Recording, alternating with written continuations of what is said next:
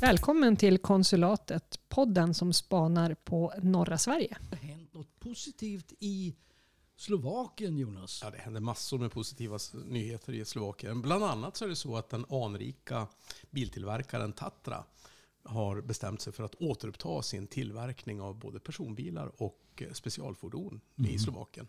Typ en 150 arbetstillfällen under en femårsperiod. Mm, Inte illa. Alltså det är ju specialfordon. vilken kanonnyhet. Ja, alltså skulle du kunna köpa en Tatra-bil?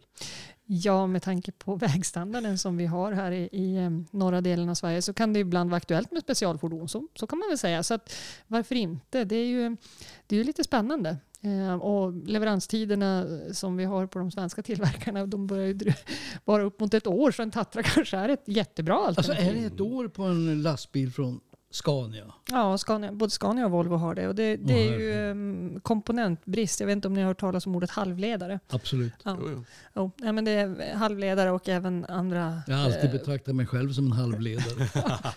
ja, den var bra. Den var bra. Eh, nej, så att, eh, ja, nej, men Tatra kanske. Varför inte? Ja. Vad roligt att få vara här igen också. Jag missade ju det förra, det förra avsnittet och dessutom när jag hade glädjen att se på hockey. Mm. Ja, Mm. det, det får man säga. Men det var väl ingen vidare match va? Nej, fy sjutton. Nej, det var ingen kul. Det var ingen kul. Det var ju roligare med 7-0 mot Djurgården. Ja. Men det är klart, det, det blev ju en, en spännande intervju som, som var med, med självaste överhövdingen i Luleå Hockey. Mm. Ja, jo, men Och vi ska ju komma tillbaka till det här med eh, hockey. Eh, egentligen in, ja, Om en liten stund. Precis, vi gör det. Men, men vi börjar med något annat va? Ja, för vi ska prata lite grann om eh, företag i norr som börsintroducerar sig. Vi ska prata lite hockey och idrott. Och sen ska vi väl avsluta med att prata om sossarna. Ja, landets ledning. Ja, och med lite dans på slutet. Det kommer att bli skitslu, skitkul på slutet. Ja, men det, det låter jättebra. Men häng med då så, så kör vi.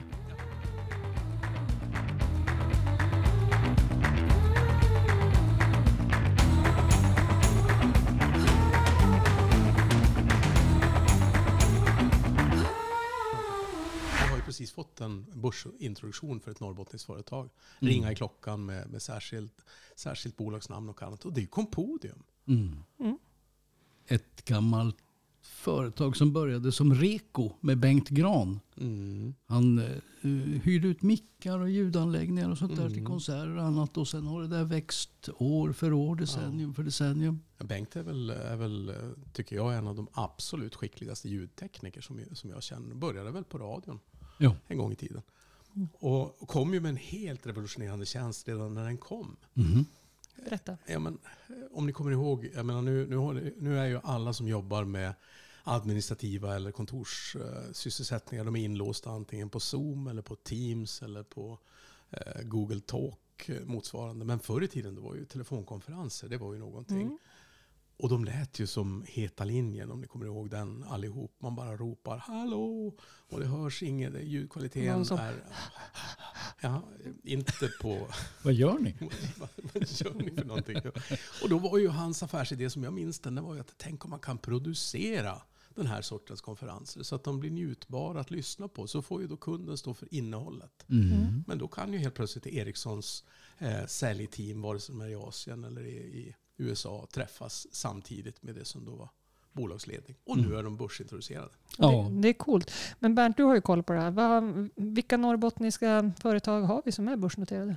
ja, de kan vi nästan räkna på handens två, tre fingrar. Alltså riktiga norrbottniska eller företag från Norrbotten som har sätet här uppe. Eh, det är ju... Där tror jag Compodium är det tredje företaget. Mm. Eh, och sen har vi Copperstone, alltså som hette Kopparberg förut. Så det är inte riktigt rätt. Men de, men de har ändå sett i Kiruna. Mm. De som ska öppna Viscariagruvan. Just det.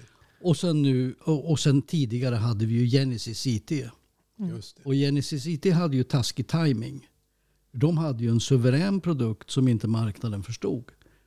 Eh, alltså det här med molnet. Mm. De Jo. började ju alltså erbjuda företag att köpa molntjänster. Varför skulle företag själva sitta med all datakraft och alla programvaror och allting? Men marknaden förstod inte det här. Mm. Men det blev ändå en börsintroduktion och då på den tiden Genesis omsatte tror jag bara 10-11 miljoner om året. Men inför introduktionen på börsen så steg aktien upp mot 250 kronor. Så det bolaget som omsatte 11 miljoner före börsintroduktionen så värderades det till 1,3 miljoner. Alltså det är en, eh, men, men det här var ju då dessutom Eller 1,3 miljarder. miljarder. Miljarder för guds skull. Ja, ja. Men de var före sin tid. Ja, och så var de väl ungefär samtida med det som, det som var den stora IT-kraschen också, om inte jag är helt missminnad i efterdyningarna av dem. Jo, alltså de, de hade taskig timing. Men jag tror att... Men vilka år pratar vi här om? eh, ja, alltså 2000-tal. vad pratar vi? Vi pratar... Det är, det är 20 år sedan. Ja. Mm. 20 år sedan. Nej, det är en, eh, men det måste man ju också säga då, om vi, om vi går tillbaka till Compodium, att eh, Bengt och, och hans gäng, de har ju verkligen varit med i, i, i vått och i torrt. Och det har inte alltid varit enkelt. För det är Mm. klart att de var också långt, långt tidigare. Före, före man kan konstatera att en, en pandemi kan, kan göra att den digitala transformationen när, när det gäller att mötas i arbete helt plötsligt har, finns på plats. Så fanns ju inte den på plats när, Mm. när Bengt startade Compodium. Nej, han, och han gjorde ju om bolaget. Han döpte ju också om det. Dels till Compodium och sen så blev det ju Compodium International. Det här har han ju hållit på med många, många, många år innan den här noteringsemissionen kom i veckan. Och av de här 65 miljoner kronor får de in direkt. Mm. Och av de här 65 miljonerna så är det fem större investorer som står bakom. Och aktien var, som jag fattade övertecknad. Alltså innan de ringde i klockorna på, på börsen. First North där den ligger på för övrigt. Men det här innebär ju att, att värdet på börsen ökade. Bolagets värde är enormt alltså. Till närmare 270 miljoner. Det Alltså, är så, jag tycker det är svincoolt faktiskt. Ja, men definitivt. Och, och, och, men det intressanta är att de har deras omsättning. Alltså den ligger runt 40 miljoner. Och senaste året så redovisar man en förlust på 8 miljoner kronor. Men det här är ju egentligen ointressant. Alltså de har säkert haft väldigt mycket investerings och utvecklingskostnader Mm. inför börsintroduktionen och allt det här. När de jackar upp bolaget. Mm. Men börsen tittar ju inte på senaste årsredovisning. De tittar ju på pot- potentialen. Och det finns en potential för det här. Och Bengt Gran säger ju själv att en av de som liksom gav dem kicken här för videokonferenserna. Det är Greta Thunberg. Mm. Just det. Mm. Ja, Res mindre Just det. och så vidare. Ja, jag minns ju det för det måste ju ha varit bortemot tio år sedan. Jag tyckte att eh, en av de slogans som Compodium hade som sina starkaste, det var ju just resfria möten. Just det. Ja, det, Precis. det måste ju få en, en inbiten reklamman som dig att le. Ja, ja, ja. ja men jag tycker det är bra. Ja, ja. Ja, men, Det säger precis vad det handlar om. ja men exakt. Men, men hörni, ska vi lyssna på någon, någon musik som kan passa till det? Mm. Ska vi spela någonting eh, från senaste ABBA-plattan? Ja, men det tycker jag. I have a notion eller någonting sånt där. Det är lite långsökt men eh, en notering på börsen. ja, men du är ju reklamman så att, kör. Du bestämmer.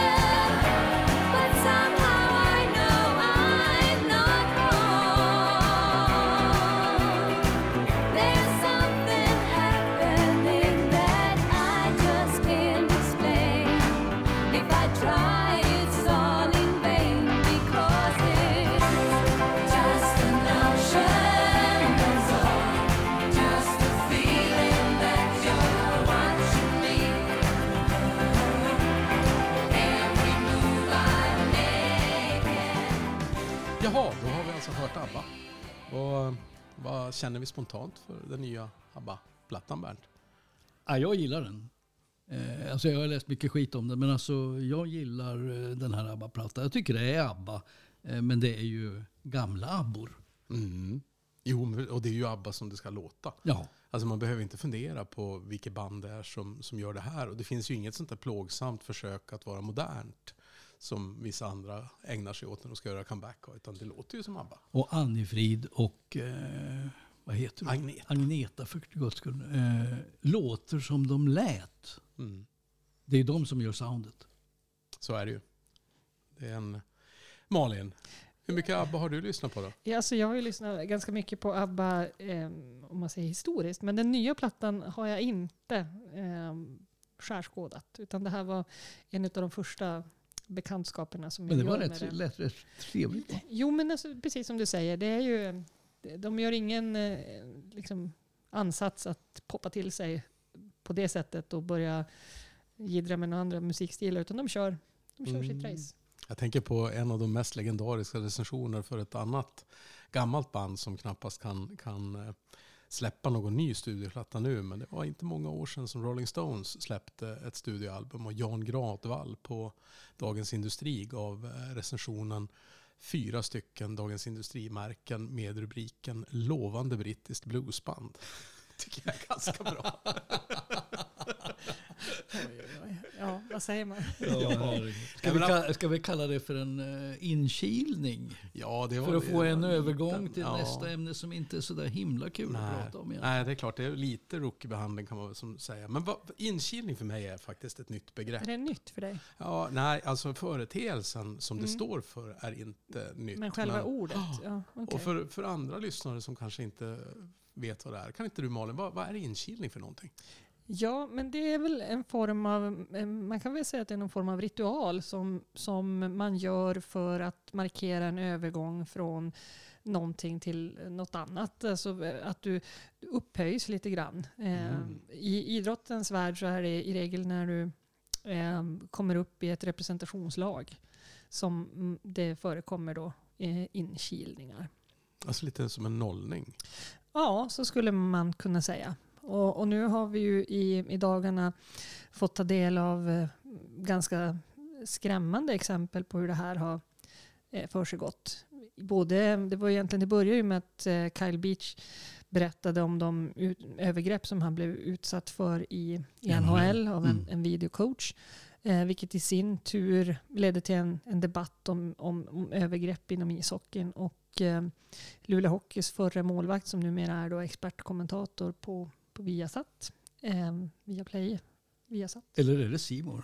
Nej, inte Simon. Nej. Nej, det, det jag är osäker på om jag säger Viasat eller Viaplay. Men, men eh, han, eh, Erik Granqvist då, som har spelat i, i Luleå Hockey i många år, berättar om en, en fruktansvärd upplevelse som han var med om när han, när han skulle komma upp i A-laget i, Mm. i Luleå Hockey. Där han blev men ganska kraftigt förnedrad. Mm. Eh, där, man, där man liksom i det här fallet eh, rakar av han allt hår på kroppen och eh, knyter fast hans kön i ett snöre. Och, ja, ehm, det här har ju det här är ju ingen nyhet.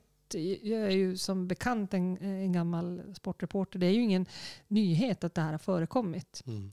Eh, Jag har gjort intervjuer med, med spelare som har berättat om de här inkilningarna i olika sammanhang. Eh, kanske inte så ingående som, som Erik Granqvist gjorde nu, tyvärr. För Mm. att hade man gjort det kanske det... Ja, Mm. hade, Det handlar alltså om att när man till exempel kliver upp från ett pojklag till ett större lag, till exempel som du säger ett representationslag, så blir man av de äldre grabbarna eh, behandlad på ett förnedrande sätt för man ska liksom genomgå någon slags rit. Och det, det kan till exempel innebära då att man rakar av den här pojken könshåren. Det kan innebära att man klipper ögonbrynen på honom. Eh, Eh, ta, sätter att... honom i en bastu med en Mm. flaska brännvin och tvingar honom att dricka upp spriten och spy sig fördärvad. Ja, Alltså, I NHL så, så har man något som kallas för rookie-middagar. Man, man går ut och äter hela laget och rookiesarna betalar. Mhm. Eh, och då beror det på hur snälla lagkamrater man har. Det kan ju bli ganska dyrt. Eh, sen eh, innefattar det också ganska stora mängder alkohol. Eh, Mm. så. Men är det här knutet till i huvudsak, jag menar, det är ju inte bara hockey som, som har den här sortens avarter? Eller? Är det Nej. värst i hockeyn? Har vi någon uppfattning alls? Jag tror eh, att det... Jag tror att det är värst i hockeyn, men jag tror att det förekommer i de, de flesta om man säger, elitidrotter. Så. Däremot så skulle jag väl säga att det är väl uteslutande kopplat till killar. Mm. Alltså det verkar vara det. Men alltså det måste ju vara ganska vanligt förekommande inom idrotten. Med mobbing och sånt där måste, är, är väl förmodligen väldigt förekommande i idrotten. Eftersom BRIS har tagit upp det där att, att det är rätt vanligt att man i idrottsföreningar har svårt att upptäcka eh, mobbing och förnedrande behandling av de unga eftersom det finns någon slags jargong. Ja, dels jargong. Som innebär att man, man, man ska förväntas tåla saker. Alltså i, i hockey så får man liksom vä- vänja sig bli bekallad sopa och kärring och sånt där. Mm. Jo, men jag tror, och, sen, och, och där tror jag, just om vi pratar mobbning, så tror jag inte att vi behöver göra någon stor skillnad på damidrott och herridrott. Jag tror jag det, den är nog lika förekommande på, på, på, Mm. bland båda Men det könen. blir grövre. Men, men just när man pratar om de här inkilningarna som också är kopplat till rena övergrepp skulle jag säga. Mm. Då, eh, då tror jag att vi har en överrepresentation på, på Mm. här sidan. Eh, tyvärr. Sen är det ju, jag menar, man måste ju hantera, alltså äga, äga problemet också. För att jag tycker, jag menar Erik Granqvist pekar ju ut Luleå Hockey i, i det här eh, fallet. Så är det ju. Och han pekar ju också ut sina, sina lagkamrater som, Mm. som var där. Och jag tyckte det var, var hedersamt det Luleå Hockey har gjort. Dels har man gått ut och, och, och tagit ställning mot det. Sen, sen vet jag att, eh, det, läste det i tidningen, att eh, eh, Stefan Skugga Nilsson, som var lagkamrat med Erik Granqvist när det här hände, ringde upp och liksom, de pratade om det här. Mm. Eh, Mm. det kanske är bortåt en 25 år, 30 år för sent. Men, Mm. men, men det, är, det, är ändå, det är ändå gjort. Och jag tror någonstans att alla som var med eh, på den tiden när det här förekom, det kanske, jag tror att det förekommer idag också, men jag tror att man hade en klump i magen. Mm. Men det är klart, någonstans, någonstans så är väl eh, det första man behöver göra när det gäller den här sortens beteenden är ju att lyfta fram det. Mm. Därför att det är klart att det, det finns, eh, jag föreställer mig att, att eh, en del idrotter och särskilt lagidrotter, där finns det en grupp, en stark känsla av att vad som händer i gruppen stannar i gruppen. Och det är ju det som på något sätt är farligast här. Därför att man skapar jättestarka sociala bindningar. Det finns så tydligt kopplingar till överordning och underordning. Samtidigt får man liksom en stark känsla av att när nu till exempel Erik Granqvist går ut, han är i och för sig inte den enda, det är ju fler som du säger Malin som har varit ute och berättat.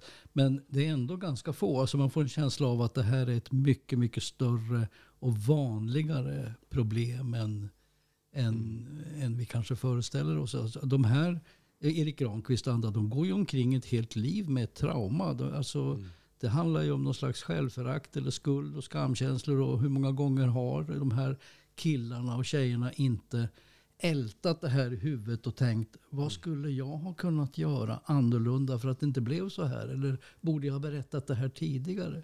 Alltså man blir själv en del av den här tystnadskulturen. Mm. Jag ska bara säga, idag så har faktiskt SHL och Hockeyallsvenskan tillsammans gått ihop i ett gemensamt initiativ som heter Vi står bakom dig. Mhm. Och, och där då med anledning av de berättelser som, som man har tagit del av. Eh, och där då tillsammans med eh, den här organisationen som heter Inte ensam, aldrig glömd. Eh, och det är ett initiativ för att stötta barn, unga och vuxna som utsatts för eh, sexuella övergrepp och eller lider av psykisk ohälsa. Mm. Och tillsammans med Inte ensam, aldrig glömd står SHL upp för att ingen ska behöva utsättas för kränkningar eller bemöta psykisk ohälsa utan stöd. Skriver Jag tycker det är SHL. bra därför att jag var nästan inne på det förut, det här, en tanke i alla fall. att Okej, vi pratar om grejer som har hänt för 15, 20, 25 år sedan nu. Mm. Det är det som kommer upp till ytan nu. Men eh, hur vanligt är det idag? Mm. Alltså, Nej, men det, det, det märks ju också någonstans. eh, Det har ju varit en del uppmärksammade fall, inte bara för, för, för uh, hockeyn. Eh, det lyftes fram i, i eh, något av TVs eh, granskande program. Detta om, om eh, en elitidrottsutbildning, en riksidrottsförbunds stödd utbildning för vattenskidor och wakeboard som det. ner med nästan inget varsel. Därför att då kliver det fram en rektor och konstaterar att eh, med de samtal som hade gått till Riksidrottsförbundets visselblåsarfunktion så, så såg hon ingen förutsättning att kunna bedriva utbildning något mer när, eh, när det som framkom framkom. Och då handlade det också om, om det som var systematiskt eh, hackande på de som var nya. Eh, tydligt hackande med, med eh, Jo, könsrollsstereotyper. det var väldigt sexistisk kultur. Ja, det var mycket alkohol och droger inblandat. Så det är nog en, en Så det var en gymnasieutbildning som försvann helt enkelt. Mm. Och jag minns ju själv från, från min egen tid eh, när jag började årskurs ett på, på det som då hette teknisk linje på Midskogsskolan. Då var ju de första veckorna var ju nollningsperiod. Och då, då, då, då var man som, som nolla eh, i våldet för de som då var den här nollningskommittén som då var äldre äldre elever som skulle hitta på det som skulle vara oskyldigt bus och det skulle stärka oss och det skulle bli jättebra. Men jag har ju en minnesbild av hur, hur vi fick lägga oss i ett sånt, sånt här så kallat klädsträck eh, utanför mini, golfängen. Ja, det var ju rätt vanligt förekommande. Ja, där, där alltså man skulle ta av sig klädesplagg, knyta ihop dem eh, för att få en så långt streck som möjligt och sen lägga sig ner själv då. Den som hade det absolut längsta strecket, det vill säga minst kläder på sig i en klass, de vann. Och det är ju inte det roligaste man, man gör som 16-åring. Det blir ju ett väldigt grupptryck och liksom Otroligt. tjejer som ska ta av sig bh och Mm. så det blir ju, ja. Och i, i, i vårat fall, jag menar i den årskurs 1-klass som, som jag gick i då, så det, det var ju 30 killar och fyra tjejer. Alltså det, det är ju ingenting som... Nej, tack och lov så, så gick ju den här traditionen ur tiden väldigt snart. Eh, Just det som, det som var, men nog förekom det ju säkerligen likartade övergrepp systematiskt. Mm. Lundsbergs privatskola var ju blåsväder ett antal, ett antal tillfällen under, under eh, tidigare år för just den här sortens systematisk penalism där, där äldre skulle på något sätt tvinga yngre att göra. Det finns ju olika elever. grader i helvetet. Sen finns ju det här som till exempel Patrik Sjöberg gick ut med och berättade att hans, och, och även andra stavhopp, eh, höjdhoppare, alltså berättade att de hade blivit utnyttjade av eh, ja, hans pappa och styvfar. då. Vad heter han? Viljo Viljonosia. Nosiainen. Ja. Just det.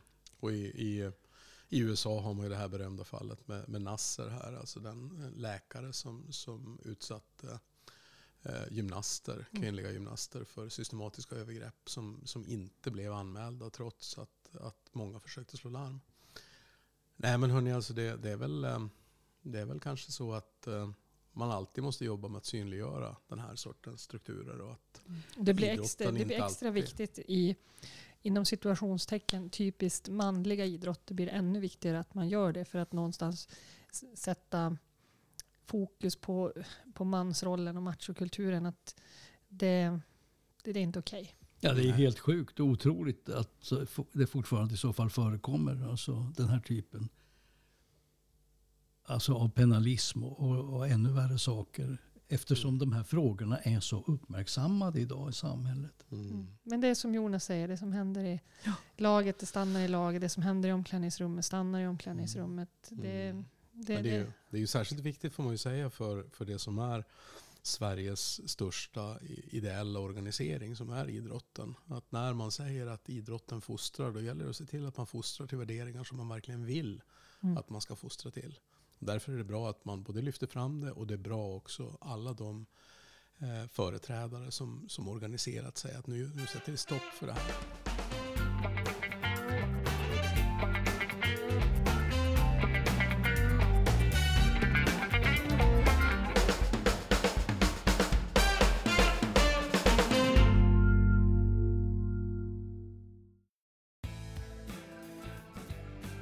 Du lyssnar till Konsulatet som stöttas av BDX, Galären, Norrmedia, Yours, Hotell Savoy och Handelsbanken. Eh, några som ännu inte riktigt har blivit våra sponsorer och inte heller får bli det är ju ett eh, är ju de politiska partierna. Vi förhåller Tror, oss ju tror du neutrala. att det är någon av de politiska partierna som på riktigt skulle vilja vara sponsor? Nej men är det inte allihopa, tror vi väl. Men, men i alla fall Vi får väl höra efter det här Ja. om vi får någon sponsor. Ja. Alltså för det har ju varit partikongress, Socialdemokraterna. Sveriges största parti har haft kongress. Och det har Och blivit en även ny det har blivit lite skiftningar va? Ja, ny partiledare. Vad det låter, vad det brummar. Ja, ja, men det här är ju faktiskt konsulatets egen kaffeautomat som helt plötsligt Ah. bestämde sig för att den skulle leva lite rövare. Ja, Men men det det är skapar bara lite, skapar Gemytlig lite gemytlig stämning. Magdalena Aldrig förr jag känt så här jag menar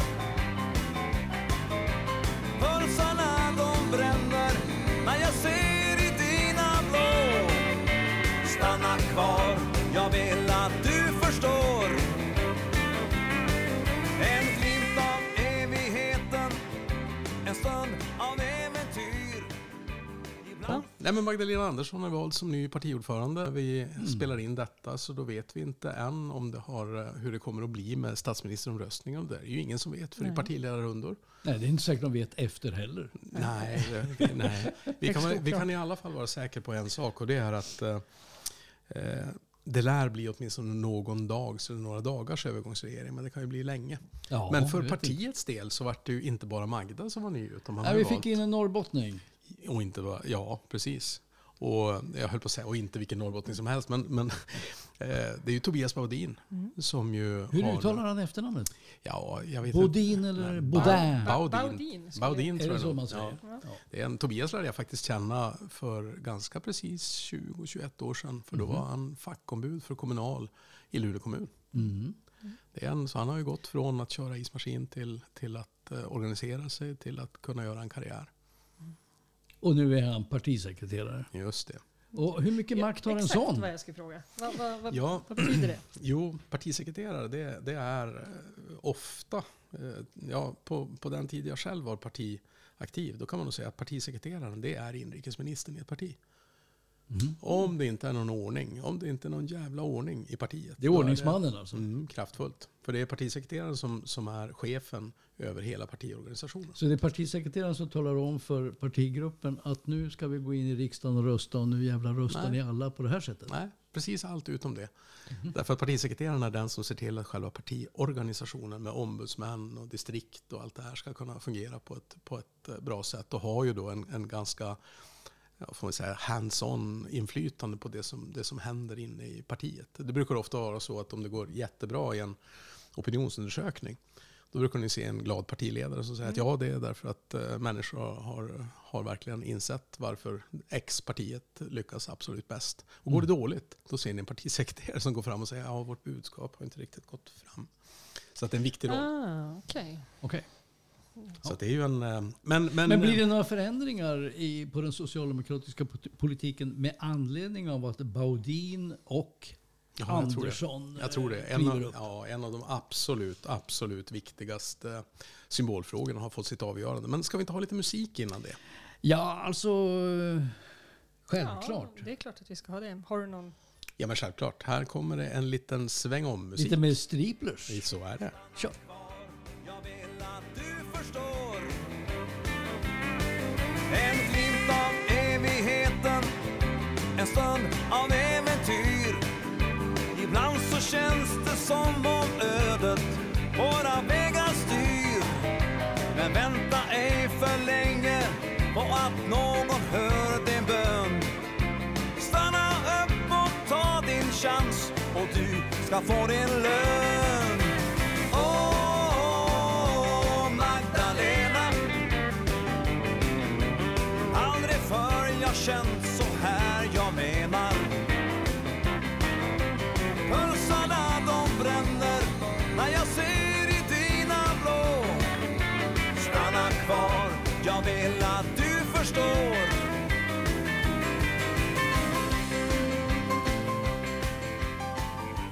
Ja, men hörni.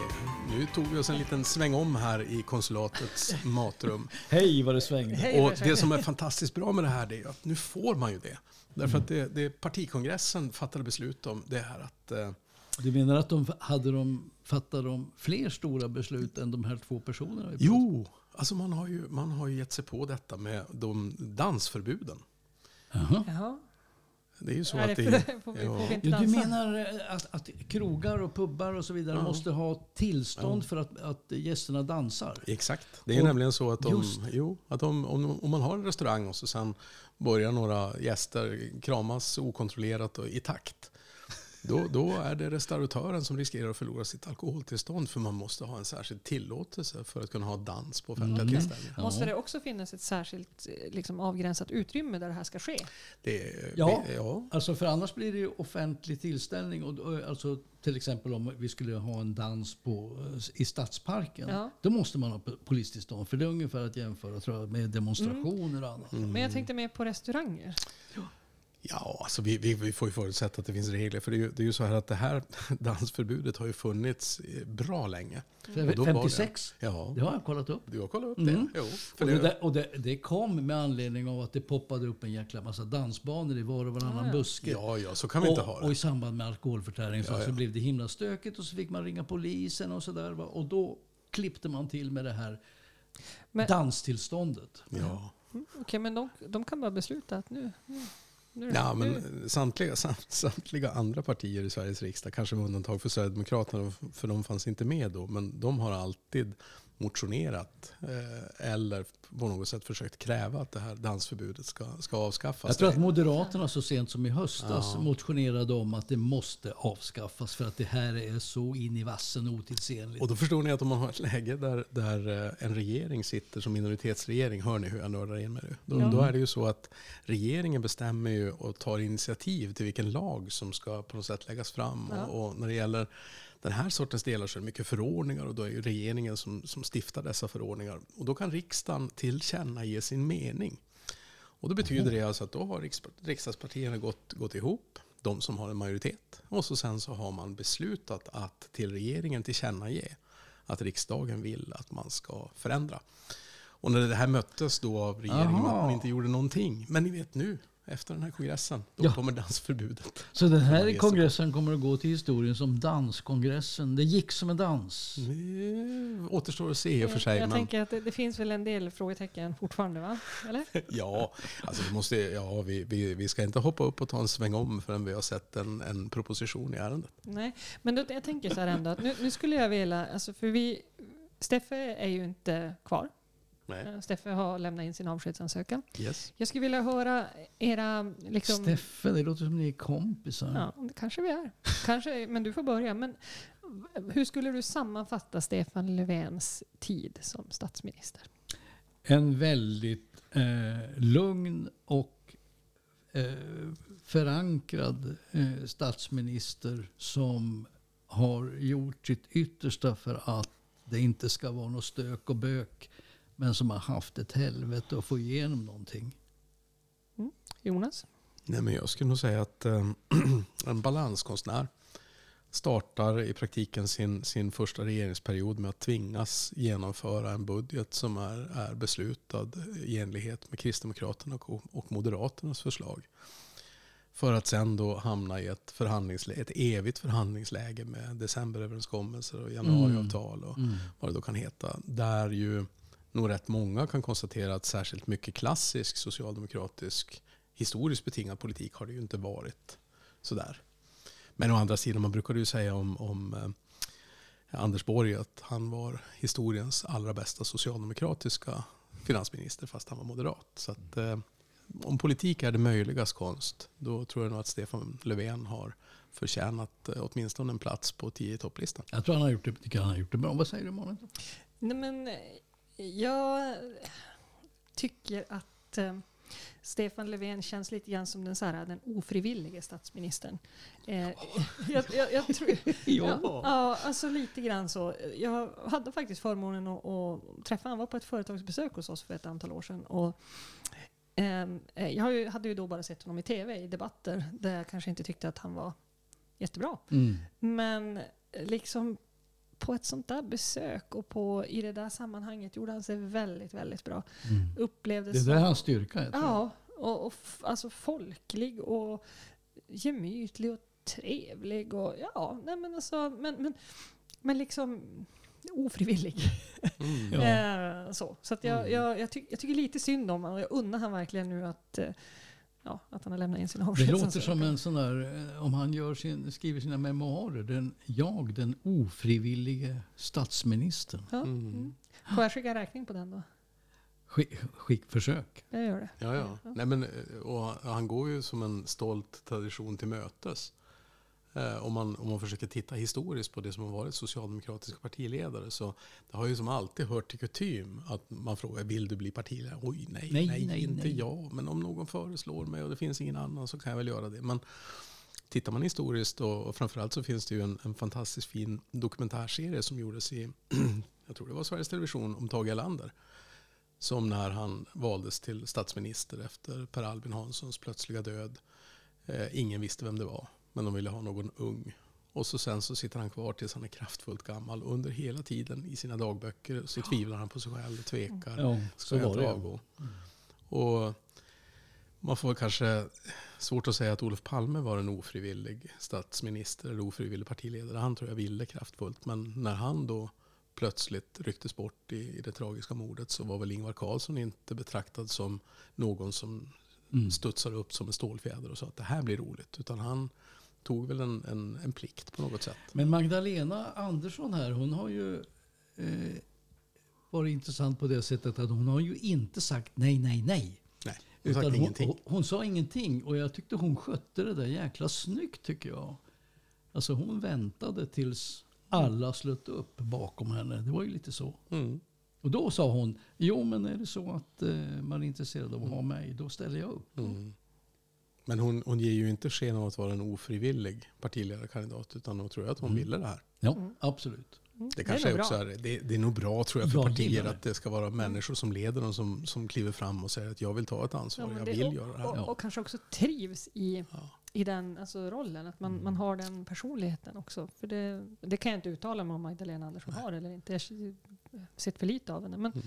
ja, det lär väl visa sig. Mm. Det enda vi kan vara fullständigt eniga om det är att eh, vi tre, vi är inga ofrivilliga eller ovilliga sändebud Nej. för podden Konsulatet. Nej. Nej. och jag tänkte på det du sa, Steffe. Ja, Och då säger jag Maggan. ja hur? Ja. Eller ska man säga Magda? Magda. Jag tror Magda är mer. Magda. Maggan det är en Margareta, är det inte så?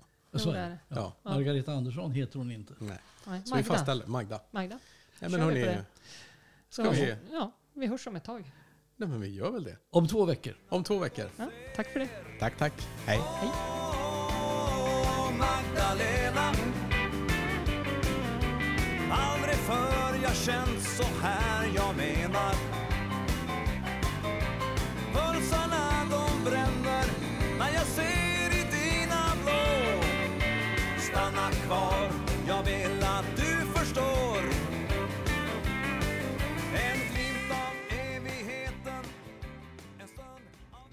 Konsulatet får ovärderligt stöd av de här sponsorerna. BDX, Galären, Hotell Savoy, Yours, Norrmedia och Handelsbanken.